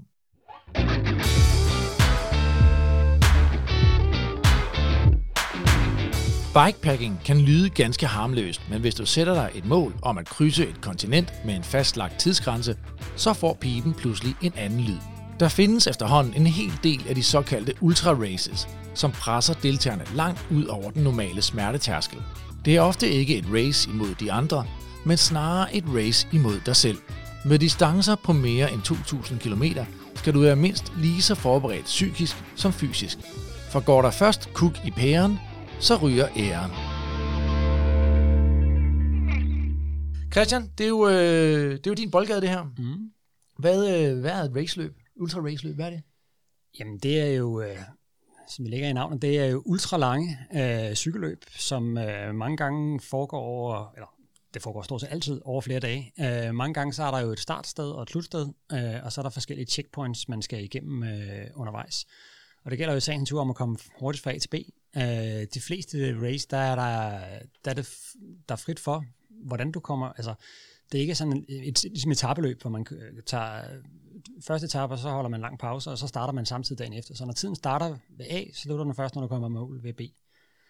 Øhm, og det er jo, det findes der jo oceaner af løb af øh, rundt omkring i verden, af meget forskellige karakterer, også hvor, hvor, hvor professionelt de er, de er sat op. Og mange af dem, de er jo, altså der er jo nogen, der er rent fokuseret på, at det her det er kun et gravel race, eller kun offroad, og nogle af dem er kun øh, asfalt. Men mange af dem lægger op til, at det er faktisk op til dig selv at finde ud af, hvordan du kommer med de to checkpoints. Så de fleste mennesker vælger jo at køre dem på noget, der minder om det, vi kender som gravelcykler, fordi så kan du ligesom køre fra og tage den hurtigste vej øh, til næste, næste checkpoint. Øhm, og det er jo det er ligesom det. Altså, og der er jo nogle store, nogle i verden, som mange gerne vil køre. Jeg træner jo selv mod at køre Race Across America, og det er jo, øh, det er jo lige så godt alt muligt andre løb, men det er ligesom det store, det har noget at gøre med sponsorer og sådan noget ting. Så det er nemt at få på noget, som folk kender, og det er jo et rent asfaltløb. Men, øh, men jeg har også helt sikkert på min, øh, min, øh, min to-do-liste at skrive en masse andre løb, som er noget helt andet, som er meget mere self-supported, øh, hvor det drejer sig om øh, jeg har for eksempel et, der hedder GB Euro, der ligger i England. Det gælder om at komme fra den sydlige del af England til den nordlige del af England. Uh, Transcontinental Race, som går for, det skifter rute år for år, hvor det kører på tværs af, af hele Europa. Og øh, jeg vil sige, det der de fleste de her race, det er jo selvfølgelig cykelrytter, der har god, man skal selvfølgelig have god fysisk form, men, men den fysiske form er, altså på et eller andet tidspunkt, så har du den form, der kræver til, at du kan cykle 20 timer om dagen og, og så videre. Men aller værste, eller det, det der, det det mentale, øh, som du også lige selv nævnte så meget fint i din, øh, din intro. Altså, når du, du bliver bare træt og får ondt i hele kroppen, og man når masser af eksistentielle kriser igennem, og man tænker, hvad fanden laver jeg herude, og hvorfor gør jeg dog det her? Det var det dummeste, jeg har fundet på, og what's the point, og hvad, hvad er det for et problem, jeg prøver at løse ved at sidde her på min cykel? Men det er jo ligesom om, det, det, det, jeg tror måske, det starter for mange mennesker, men hvis man har prøvet første gang at sætte sig en hård fysisk øh, udfordring, og man så klarer den, det der adrenalinkick, eller man får, altså hvis man har prøvet at cykle op af Alpe d'Huez på cykel for eksempel, og det er jo tæske hårdt, men den der glædesfornemmelse, du får, når du kommer op, at man, at man klarede det, det er sådan en, en transitionsfase, man kommer igennem, og det er jo ligesom, det er det der adrenalinkick, jeg tror, jeg, og også alle de andre søger, og så skal man jo også være lidt konkurrencemenneske. Det er jo sjovt, at man kan, synes jeg, at man kan konkurrere mod det. Men det foregår, alt de her, den her type løb foregår meget mere kammeratligt, end hvad du kender sådan måske klassiske cykelløb, hvor der godt kan være lidt meget testosteron og skubben og masen og sådan noget. Det er der overhovedet ikke her. Folk hjælper faktisk hinanden. Altså fordi det, de fleste af løbene er jo en kammeratlig atmosfære. Det er lidt et konkurrence mod dig selv, de fleste af dem. Selvfølgelig er der nogle big shots i den her branche, som man også gerne vil slå, som, som selvfølgelig øh, øh, gør sig i det her. Og der er også der, der er flere af de store cykel World Tour hold, der nu også er begyndt at gå ind øh, i det her. De har set, at der er jeg gætter på, at de ser, at der er et marked i det selvfølgelig. Uh, øh, EF Education har jo begyndt at lade flere af deres ryttere nu køre nogle af de her løb, og har jo faktisk en ret uh, vild serie kørende på, på YouTube, der hedder EF Education Gun Racing, tror jeg, det hedder, ikke? Uh, som følger det med, som, uh, og det er jo selvfølgelig noget, noget, noget branding, men det betyder også, at der kommer noget, nogle af de store løb, de bliver meget mere professionaliseret, og det, det er jo nogle andre typer mennesker, man så, man så, man så taler til. Det tror jeg nu fik jeg vist uh, bevæget mig langt ud af... Du, øh, ja, men prøv at høre, altså, jeg, jeg havde et spørgsmål, der hed, øh, hvilke type raceløb findes der, og hvad skal du selv køre, og du, der, der er bare flueben over det hele her. Du, øh, den, den klarer du så fint, øh, hvad hedder det. Men, men altså, Christian, hvorfor, hvorfor, er det, hvorfor er det trukket i dig, lige præcis øh, de her ultra race løb? Hvorfor, hvorfor er det noget, der... Jamen altså, jeg har, jeg har, jeg har de sidste øh, 10-15 år har jeg jo dyrket øh, sport. Startet med triathlon. Øh, det startede meget, at jeg ville gerne tabe mig, som, som ganske almindelig. Jeg kom egentlig fuldstændig umotioneret, og så fandt jeg ud af, det var, synes jeg egentlig var sjovt. Det var, og det var faktisk meget god til. Specielt cykling, cykeldelen var jeg god til.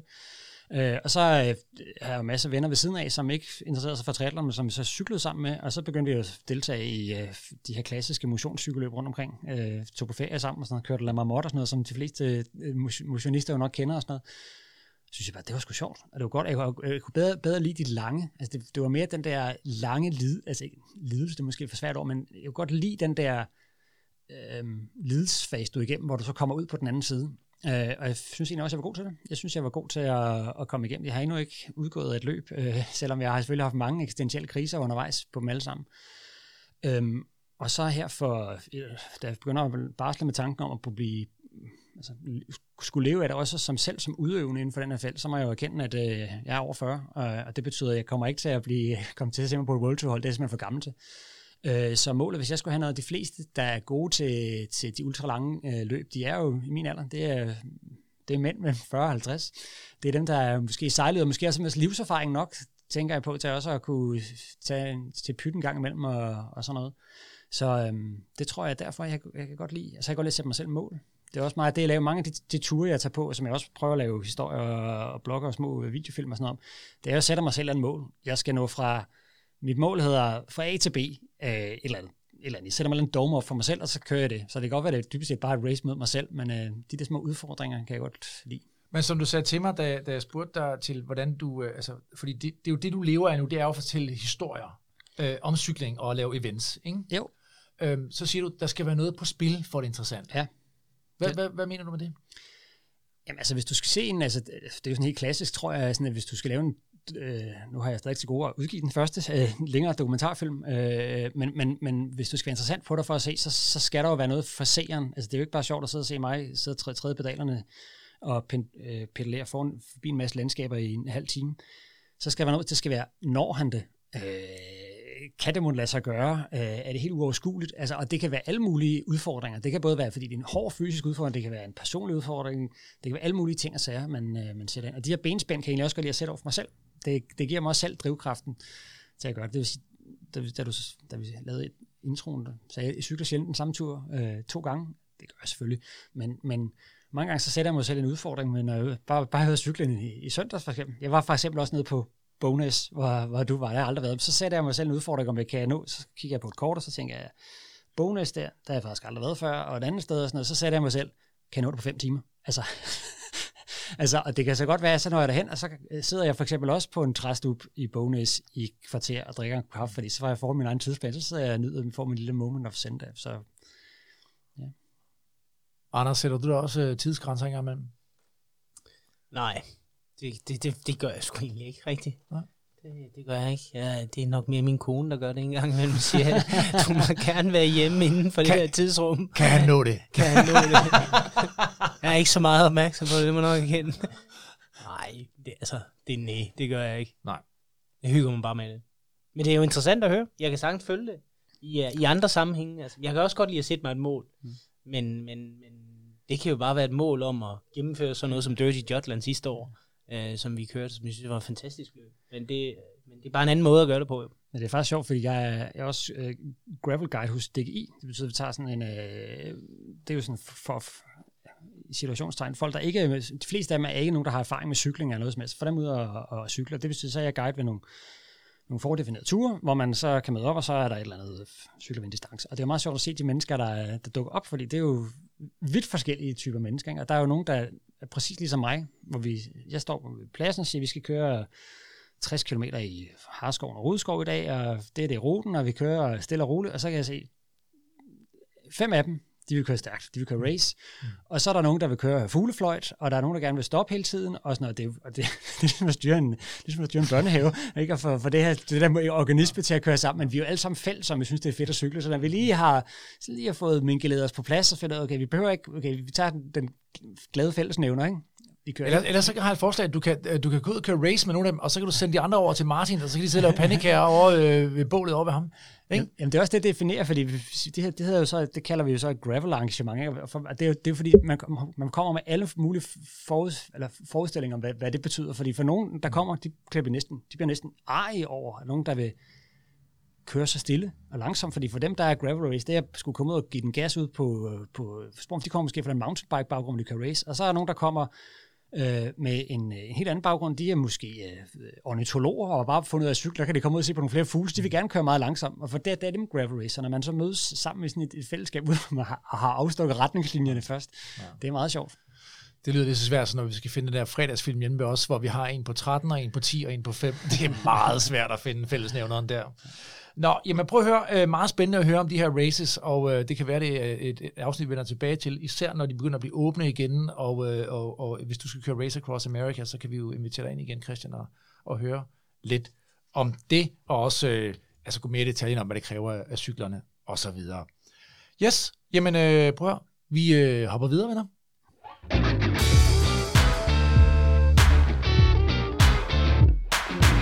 Her i Balsam for Sjælen elsker vi at dele gaver ud. Derfor finder vi altid en god årsag til at udlade en skøn præmie, som du kan vinde. Egentlig handler det ikke om at vinde, men snarere om at deltage. Du kan altid holde dig opdateret inde på vores Instagram-profil, balsam for sjælen underscore dk. Her kan du også se alle de flotte billeder, som I lytter og løbende sender ind til os. For gravel er noget, vi giver til hinanden.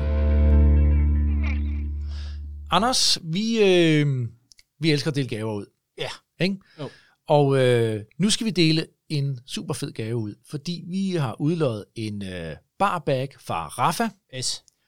Og øh, man skulle sende sit billede ind til os med, øh, med noget balsam for sjælen. Ikke? Der, hvor jo. man synes, at, øh, at der var balsam for sjælen, når man kørte sin rute. Om det var den lille bænk nede ved gadekæret, eller det var et, øh, et, et, et udsnit af ruten, eller hvad det nu var. Ja. Der, der ligesom, og, en, øh, og en god beskrivelse til os, måtte man også gerne, ikke? Jo, en god beskrivelse, fordi at øh, igen, altså, vi synes jo, det her med at dele er, er en fed ting. Og, og, og grund til, at vi gør det her, det er simpelthen fordi, så kan vi samle alle de her billeder og beskrivelser, og så kan man ligesom gå på opdagelse. Øh, det, det kan vi godt lide. Så der er kommet rigtig mange gode bud, både sendt ind til os på Instagram og også på vores mail. Og øh, vi skal ikke øh, holde spændingen alt for længe, fordi det billede, som vi synes øh, har meget balsam for sjælen, det er taget af, nu skal jeg lige ind på ham, fordi jeg, jeg sad og kiggede før, det er Jonas Jeppesen. Og Jonas Jeppesen, hvis du lytter, så uh, tillykke med, at du har vundet den her Rafa Barbag. Og nu skal vi høre uh, juryens begrundelse. Det er simpelthen, øh, Jonas, at øh, du sidder på nogle øh, store træstammer uden skov og har taget en timeout. Og du skriver, Enjoy the silence. Billedet er taget i Rungsted Hegn dagen før, at vores allesammens mætte lukkede institutionerne og hjemmepasningen trådte i kraft. Nu er skoven for mig bestemt blevet et sted, hvor jeg efter en lang dag i hjemmet lige kan få brændt noget energi af, få frisk luft til hovedet og ikke mindst en smule ro. Og øh, det vi godt kan lide her, øh, det er, at du har taget dig tid til at hoppe af cyklen og, øh, og nyde naturen. Fordi det snakkede Anders og jeg om. Det er noget, man nogle gange glemmer at gøre. Det gør man. Så kører man ligesom bare fra A til B, og så har man det der sædvanlige kaffestop på ruten. Vi vil gerne hylde øh, dit billede, og øh, huske, øh, og samtidig give videre til folk, at husk nu at hoppe af de der cykler en gang imellem, og, øh, og så bare nyd naturen, hvis der lige er et, øh, en smuk øh, træstamme, man kan sidde på, eller en lille... Plus at billedet og teksten og så videre, det indrammer jo egentlig meget godt hele den situation, vi alle sammen befinder os i lige nu. Præcis. Så Så Jonas, tillykke med det. Den, øh, du må lige skrive til os, og så får vi sendt den ud til dig. Vi skal også øh, starte en øh, ny øh, konkurrence, og øh, ved I hvad? Vi har været så genial at sige, at I skal sende endnu flere billeder til os. Fordi, ved du hvad, det øh, billeder, det beskriver bare øh, så godt øh, den gode graveltur. Det, der er nyt her, det er, at øh, præmien, den har lige fået den nyk opad. For øh, faktisk, så har vi øh, fået en øh, præmie fra noget, der hedder Aguard Home. Og øh, Aguard Home, de øh, laver lyddæmpende akustikbilleder. Det vil sige, øh, de printer billeder op på øh, nogle rammer, som sluger lyd. Det vil sige, at man får et øh, perfekt lydbillede i hjemmet. Og de har altså doneret en, hold nu fast, 1 gange 1 meter print af dit favorit gravel billede til at hænge hvor du nu har lyst til at hænge det op. Det kan være, at det skal hænge over dobbeltsengen, eller det skal hænge ud i køkkenet, eller inde i stuen. Det står der frit for, hvis du, øh, hvis du vinder den her. Og, øh, og øh, Aguard, de, øh, de kører med det her slogan, Love Art, Kill Noise. Ikke? Så øh, tusind tak for det, Aguard. Det er mega fedt, at I øh, vil donere den her øh, fede præmie. Så øh, send ind til os på samme vilkår som sidst. Øh, tag et fedt billede ud fra din tur, øh, og øh, tag os på Instagram med balsam for sjælen underscore dk. Og vi skal lige huske at sige, at det er med EE i stedet for E. Det skal jo staves, så engelsk også skal forstå det. Balsam for sjælen underscore dk. Og, øh, og I skal også tagge Aguart Home. Øh, vi laver lige et opslag på Instagram, så kan I se helt præcis, hvordan det skal gøres. Så det kan I vinde. Og øh, vi giver lige nogle tips og tricks, fordi her i studiet sidder jo Martin Paldan og øh, Christian Ori, og de er begge to nogen, som dokumenterer deres øh, ruter både på foto og film. Og øh, Martin, øh, hvis man går ind på dit Cycling in Copenhagen, eller øh, du har en anden Instagram-profil, der hedder Yellow Hat Photo, så, øh, så vil man se, tør jeg næsten love, nogle af de smukkeste gravelbilleder, jeg nogensinde har set. Så øh, skal vi ikke lige øh, få nogle tips og tricks fra dig om, hvordan man tager det fede gravelbillede? Øh, jo, det var meget pænt sagt, din. Øhm, jamen altså, måske er det vigtigt først og fremmest at tænke, altså lige reflektere over, hvad er det i virkeligheden, man vil.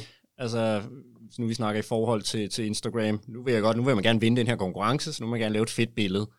Men det er jo ikke sikkert, at det er det, der i virkeligheden er ens formål med at poste på Instagram. Det kan jo lige så meget være, at det er sådan en, en selv-assure-følelse med, jeg var her, og det vil jeg gerne dokumentere, eller mine venner skal vide, hvor jeg er, frem for det kan være den her altså meget store tanke om at vil inspirere verden via sine billeder. Men, øh, men lad os sige, det er udgangspunktet. Jeg vil sige, det der er allervigtigst, det er ligesom at, at reagere på det, som man synes giver mening. Det vil sige, hvis man står et sted, og der er et eller andet lækkert ved det sted, så prøv at, og, og så skal man øve sig i at definere, hvad det er, der er fedt. Fordi det skal oversættes til et visuelt sprog. Det vil sige, hvis du har din telefon, så har du en firkant, der fylder, jeg ved ikke, hvad den fylder, 6 x 8 cm på den der skærm. Det vil sige, at du skal omsætte et indtryk, du står og har derude, som er mega vildt, ned til 6 x 8 cm firkant. Altså det er med en udfordring. Det vil sige, det de fleste gør, det er, at de ligesom tænker, de tænker stemning og siger, ej, der er mega fedt her. De løfter telefonen og tager et billede, og så tror man lidt, at telefonen har suget al den der stemning til sig, og udtrykker det i de her 6 x 8 cm. Og det ved vi alle sammen, at sådan hænger det ikke helt sammen. Det svarer lidt til at stå til en rockkoncert med hele den der følelse af at stå med den kønne pige, høre musikken og alkohol i blodet, og bare synes, fuck, hvad er det fedt det her. Og så sidde bagefter og prøve at fortælle vennerne, og de sidder bare og kigger ud i luften og fatter overhovedet ikke, hvad man snakker om, fordi de var der ikke. Så det er ret vigtigt at erkende, du er nødt til ligesom at finde en detalje eller et eller andet, der i virkeligheden kan bære den her stemning. Det vil sige, at det kan, være, det kan netop godt være, være den mosbeklædte stup, og så med forhjulet, eller det kan være linjen i landskabet, det kan være den snoede vej, der sådan rent visuelt udtrykker det, som du gerne vil udtrykke. Fordi man kan ikke bare rette kameraet mod et eller andet, og så tro, at det formidler. Men man er nødt til ligesom at destillere et element ud. Øhm, og det er jo, du har de der 6,8 cm, nu aner jeg slet ikke, om det er rigtigt eller hvad, men du har den her lille firkant, og hvad du propper ind i den firkant, det er simpelthen der afgørende. Det vil sige, kig efter nogle linjer, en komposition, altså den der med, med forsvindingsperspektivet, vi alle sammen kender fra vejen, det er blevet sådan et helt klassisk motiv, men det er fordi, det virker. Altså alle kan genkende den der sådan lidt point of view og den fede vej, og det næste skridt, det er jo så der, hvor vejen den snor sig. Det er sådan, ej, en fed linje, den vil jeg jo gerne cykle. Øhm, så snakkede vi kort om, inden vi gik i gang her igen, om at, at cyklen ligesom bliver inkluderet i billedet. Og det er jo sådan en ny form for æstetik, der er opstået kvæg Instagram, fordi man ligesom gerne vil historiefortælle lidt mere. Jeg er ude at cykle. Lige præcis. Der er den her fede snoede vej, og her står min cykel. Så nu kan I ligesom godt gætte jer selv til resten. Og det kunne i virkeligheden være din cykel, så forhåbentlig så kan det inspirere dig til at se ud på de her eventyr. Ikke? Øhm, men det er selvfølgelig, altså der, der er jo skrevet mange bøger om foto, men, men komposition og det, du i virkeligheden inkluderer i dit billede, det er rimelig afgørende. Det vil sige, et simpelt regel, der er også tænkt, jamen er der, er der forstyrrende elementer, du ikke behøver sig med? Altså hvis du har den perfekt snoede vej, og så der står en skraldespand, jamen det kunne jo være, at du kunne flytte dig lidt, så den skraldespand ikke kommer med, fordi ellers så fanger den bare blikket. Er det så en bænk og et pænt træ, jamen så kan det være, at det i virkeligheden er der til billedet, i stedet for at forstyrre. Så det er lidt sådan en, altså jamen det er jo en verden af, af kreativitet, man bevæger sig ind i, og det er selvfølgelig udfordrende, men det er også, når man først ligesom får øje for det, jamen så er det jo, så er det jo endnu en hobby, der åbner sig. Og så er det netop bliver vild med cykling og foto, som jeg personligt er. Og hvad med perspektivet? Jamen perspektivet er jo også, det er jo endnu et parameter. Der er jo et, altså, der er jo et hav af parametre, selvom det er todimensionelt. Det er en flade, du arbejder med. Så er der jo, jamen, så kan du, du kan gå op i luften. Øhm, jeg har selv sådan en, en mini-drone, som jeg så har crashet et par gange, så nu skal jeg have en ny. Men den kan jo i virkeligheden bringe op altså et, et perspektiv, der ikke rigtig er set før, og så kan man få de der billeder, hvor wow, nu er man lige pludselig herop, og man, man ser noget helt andet. Jeg tror, vi alle sammen har set de der første dronebilleder, hvor man ligesom ser lodret ned på en, en vej eller et eller andet, og lige pludselig er det sådan, det er sådan en helt anden grafisk oplevelse. Øhm, så kan man også gå meget lavt, og så skyde igennem græs eller et eller andet. Øhm, så, så den der klassiske med at hive telefonen op, og så skyde i øjenhøjde, der kan man godt allerede lige der fange sig selv og ligesom sige, okay, vil det være federe, hvis jeg gik ned i knæ, og så fik sådan lidt mere dramatik i billedet, eller vil det være federe måske at træde op på den der skraldspand fra før, og så få vejen oppefra? Og så er der også nogle andre kompositoriske regler, der hedder, hvis du har noget i forgrunden, og så noget baggrund, jamen så kommer der helt anden dybde i billedet, og så videre, så videre. Ikke? Så der er, der er tusind regler at kaste ud i. Men man kan i hvert fald finde masser af inspiration inde øh, på din side øh, til det. Og man må, må man gerne, Christian, må man gerne lægge filtre på? Uha. altså jeg vil sige, øh, jeg bruger også Instagram og sådan noget, øh, og Photoshop og alt muligt andet, øh, men jeg tvinger mig også selv til at lade være, øh, og prøve at se, om jeg kan tage et billede, der er godt nok i sig selv. Øh, jeg, føler, jeg, jeg personligt føler lidt nogle gange, det er lidt at snyde. det er nok også. Øh, men jeg gør det der en gang imellem. Men det svarer ikke til, at man, har, man, har, man har været til den her rockkoncert, som, uh, som Martin taler om, og, og så får man lige talt uh, hende der pigen, man stod med lidt mere op, end hun egentlig var, eller også var det bare, fordi man var fuld, man synes, hun var endnu lækker. Altså, så, altså, er det ikke okay at lige dreje den en lille smule? Lidt mere blå himmel, og måske lidt mere grønt græs, eller? det, Det er bare en fed historie. Ja, måske. Altså, det er jo måske. Altså, jeg, Prøv at se, prøv at se Anders derovre. Jeg ved ikke engang, hvordan man gør jo. ja, ja. Jeg, ved, altså, det, det er jo, jeg, skal, jeg, vil, jeg vil ikke sidde være, det vil jeg ikke sidde og være dommer over, tror jeg. Øh, hvad hedder det? Om, øh, og det kan, et billede kan jo også være mega fedt, hvis det er totalt smadret i effekter, synes jeg. Men så er det bare på en anden måde. Ja. Altså, synes jeg, så er det mere et, øh, så er det mere et, øh, et kunstværk, synes jeg. Måske øh, med et salt i virkeligheden. Ikke? Ja, Ja. ja. Jo, ja, Ja. tror jeg. Altså, jeg må indrømme, jeg har en ret klar holdning til det. Ja. Øhm, og det går ud på, at selvfølgelig, hvis du vil beskrive en virkelighed som en fotojournalist, og det er jo der, hvor reglerne er sat allerklarest op. så må du ikke manipulere. Er du ude på at vil inspirere folk, og i virkeligheden, lad os sige, at få dem ud på cyklen, jamen så, så jeg vil se, at alle knep gælder, jamen så handler det i virkeligheden om, at de bare skal føle sig inspireret. Det vil sige, at de ting, der i virkeligheden gjorde det her billede, altså har du nogen mulighed for at forstærke det budskab, altså, jamen så skal du gøre det, fordi i sidste ende, så handler det om at inspirere folk. Og så er det, ja, så kan man godt bruge et ord som kunst, eller hvad man skal sige, men så bliver det i virkeligheden min fortolkning af den oplevelse, jeg havde derude, omsat til et foto. Og det, man skal huske på, det er, uden det bliver sådan alt for fotonørdet, det er, der er ingen kamera, der viser virkeligheden. Altså for det første, så tager den et tredimensionelt rum og omsætter til noget todimensionelt. Allerede der, der er virkeligheden, den er røget. Mm. Så der er ikke noget kamera, der viser virkeligheden. Jeg forstår godt, hvad det er, det folk de tænker, når de ligesom siger, at kamera gengiver virkeligheden. Det man så også skal huske på, det er afhængig af, hvad for et kamera du bruger. Jamen så har kameraet lavet de filter for dig. Mm. Det vil sige, har du en Samsung-telefon, et Canon-kamera, et Fujifilm-kamera, så har de allerede alle de indbyggede filter, som du savner, eller som du ikke vil bruge. Ja. De har bare gjort det for dig. Så der findes ikke det der eneste rigtige kamera, der gengiver virkeligheden. Så det, i virkeligheden så handler det bare om, at hvis du vil røre folk, jamen så har du de redskaber, der skal til for, at, at du vil det. Og så handler det mere om, hvordan du bruger dem, om du ligesom synes, at det her i virkeligheden bærer budskabet frem, eller om det netop bare drukner i, i, uh, i fuld uh, reverb eller distortion på pedalen. Ikke? Det er jo også, som du siger, uh, i sidste ende også et kunstnerisk uh, udtryk, og uh, i hvert fald, uh, Martin, uh, det synes jeg, at du, uh, du mester til fulde ind på din side. Det er meget tydeligt. Altså, jeg kan, jeg, du behøver ikke engang skrive uh, Yellow Hat Foto eller Cycling in Copenhagen. Jeg ved, uh, billedet er taget af dig, når jeg, når jeg ser det i mit feed, så, øhm, så der er i hvert fald et klart udtryk der. Christian og Martin, øh, jeg tror, vi skal til at sige tak for nu. Uh, og jeg vil også lige sige til lytterne, uh, at uh, der er sikkert mange, der sidder og savner uh, alle mulige uh, brugbare råd den her gang, sådan om, hvad for nogle tasker skal jeg købe, og uh, hvad skal jeg pakke i taskerne. Og der vil jeg bare sige, som jeg sagde i starten, det, det kan vi simpelthen ikke rumme i et, i et afsnit. Så vi, uh, det her det bliver sådan en lille introduktion til, hvordan man kommer ud og oplever naturen. Uh, en længere bike-tur end bare en, en dagstur. Uh, og så skal vi nok dykke ned i det andet. Det lover vi, ikke også, Anders? Jo, vi kan, så får vi også lidt erfaring selv. Yes, sige, fordi nu øh, skal vi ud på torsdag, og vi glæder os, og så allerede der, der får vi lidt mere erfaring, så kan vi også tale med om, hvad, hvad der er godt at, at pakke i de her tasker. Jeg har stadig ikke fundet ud af, hvad du havde med i de her tasker, Anders. Det er, jeg tror, det var øh, avispapir. Jeg tror ikke en dyt på dig. Men det, okay. Men det er så også det, jeg har på torsdag så. jeg, har, jeg har det meste med. Ja, fint, perfekt. Ellers så ligger nok en superbrus et eller andet sted. Ja, ja, helt andet. Martin og Christian, tusind tak, fordi I kom og delte ud af jeres øh, personlige erfaringer. Øhm, så tak. Og øhm, Christian, som sagt, det kan være, at du skal ind igen og fortælle om, hvordan du gennemførte Race Across America. Jeg ønsker dig i hvert fald alt øh, held og lykke i den vej. Og Martin, øh, vi ses øh, til en god pandekage ude i naturen. Det vil jeg i hvert fald glæde mig til. Kære lytter, uh, tak fordi I også lyttede med. Husk, at I kan sende uh, ris og ros til os på vores mail, gravel, Og så for guds skyld, begynd at følge os inde på Instagram. Det er sindssygt vigtigt. Slår du slag for den, Strange? Ja, ved I hvad, det er faktisk rigtig vigtigt. Øh, og grund til, at vi siger det, det er fordi, at øh, vi indimellem de her podcast jo også øh, kommer med, med lidt, lidt udlæg og nogle, nogle ting, vi gerne vil dele med jer. Og det foregår altså ind på vores Instagram. Der er jo op til tre uger igennem, imellem de her podcasts, så hvis vi, øh, vi skal have sådan en jævn, jævn dialog igennem det hele, så foregår det inde på, øh, på Instagram. Ikke? Så, så det hedder balsam for sjælen underscore dk, og det er med ee øh, balsam for sjælen underscore dk.